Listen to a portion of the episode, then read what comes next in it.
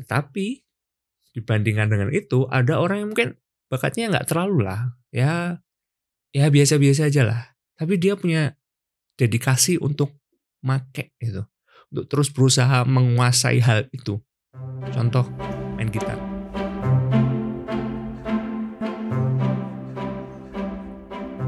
Halo cusamen, kembali lagi bersama Tius di sini di podcast School of Life. Apa kabar nih kamu? Gue harap kamu kabarnya sehat-sehat aja, baik-baik aja, dan tetap semangat dalam menjalani apa pun yang sedang kamu jalani. Hari ini di sini cukup mendung, tapi aku tetap mau buat podcast because it's fun sharing with people. Oke, okay, buat kamu yang baru gabung di podcast ini, podcast of Life adalah tempat di mana kita bisa belajar hal-hal dari kehidupan ini. Karena filosofinya adalah kita percaya bahwa hidup itu merupakan sebuah sekolah yang akan selalu membentuk karakter kita jika kita bisa menyikapi itu dengan benar. Mau gagal, mau berhasil, semua memberikan kita pelajarannya masing-masing. Oke, hari ini aku mau bahas tentang usaha versus bakat. Jeng jeng jeng. ya, bakat versus usaha. Jadi gimana sih bro maksudnya? Jadi gini, bakat itu adalah sesuatu yang udah kita dapetin nih saat kita lahir itu kita udah punya, kita udah ada. Dan kita supposed to be very thankful about it. Ada yang bisa bakat musik, ada yang bisa bakat balapan, ada yang sudah bisa bakat ngomong, punya confidence gitu.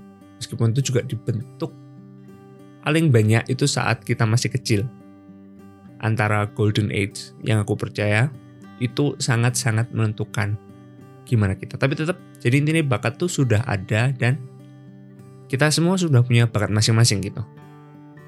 So, usaha adalah sikap atau tingkah laku atau sesuatu yang kamu kasih untuk mengembangkan bakat kamu.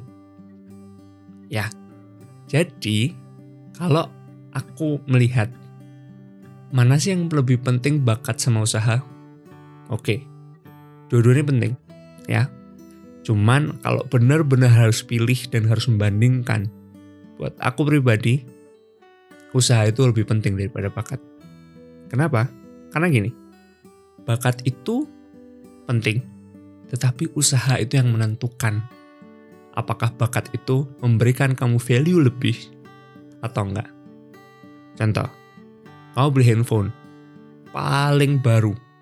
Apa? iPhone 11 12 nggak tahu lupa aku. Kayak iPhone 12 deh udah keluar. Paling baru tuh fiturnya kan banyak banget. Kau punya banyak banget fitur yang bisa kamu pakai.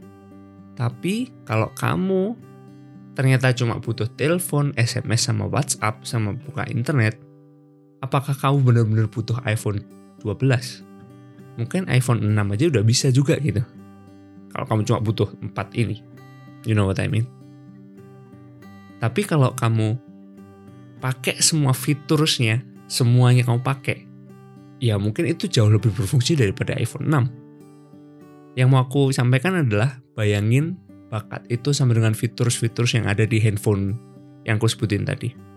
Kalau kamu punya dan nggak kamu pakai, nggak ada gunanya bro kalau kamu punya dan kamu tidak berusaha untuk memakai dan mengasah itu, what for? Tahu nggak sih? Kan sia-sia. Jadi buat apa gitu? Tetapi dibandingkan dengan itu, ada orang yang mungkin bakatnya nggak terlalu lah. Ya, ya biasa-biasa aja lah. Tapi dia punya dedikasi untuk make gitu. Untuk terus berusaha menguasai hal itu.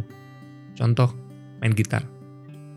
Aku main gitar nggak bagus-bagus banget tapi bisa lah bisa ngiringi orang main nyanyi gitu. Ngiringi piano masih bisa. Oke pokoknya adalah menurut aku aku bukan orang yang berbakat bermain gitar. Dari dulu ya gini-gini aja gitu. Tapi aku terus berusaha pakai nggak terlalu banyak ngembangin sih. Emang bukan terlalu passion banget. Cuman dari nggak bisa sama sekali keluarga gue nggak ada yang dari musisi sama sekali keturunan ayah dan keturunan ibu nggak ada satupun yang musisi. Dan aku satu-satunya yang keluar dari hal itu gitu lingkaran itu. Aku bisa main musik. Adikku juga bisa sih yang paling kecil. Aku menurut aku kalau nyanyi aku lumayan bagus. Hal itu menurut aku itu bukan bakat. Itu benar-benar aku usahain. Dan bersyukur ya saat kamu berusaha aku yakin deh kamu tuh pasti mendapat sesuatu dari hal itu. Nggak mungkin lah kamu berusaha terus get nothing. I don't believe it. Aku percaya kalau kamu berusaha kamu pasti get something. Meskipun itu sebuah kegagalan tetap kamu dapat pengalaman tetap kamu belajar sesuatu. Sama kayak aku public speaking. Aku bukan orang yang terlalu suka sebenarnya dijadiin sorot perhatian gitu. Aku suka cerita aku suka ngomong tapi sebenarnya aku kalau ngomong juga agak terpatah-patah gitu. Ini aja di podcast aku harus banyak banget edit-edit jedanya saat aku berhenti ngomong. Itu bisa 5-6 detik kadang 1-2 detik lah.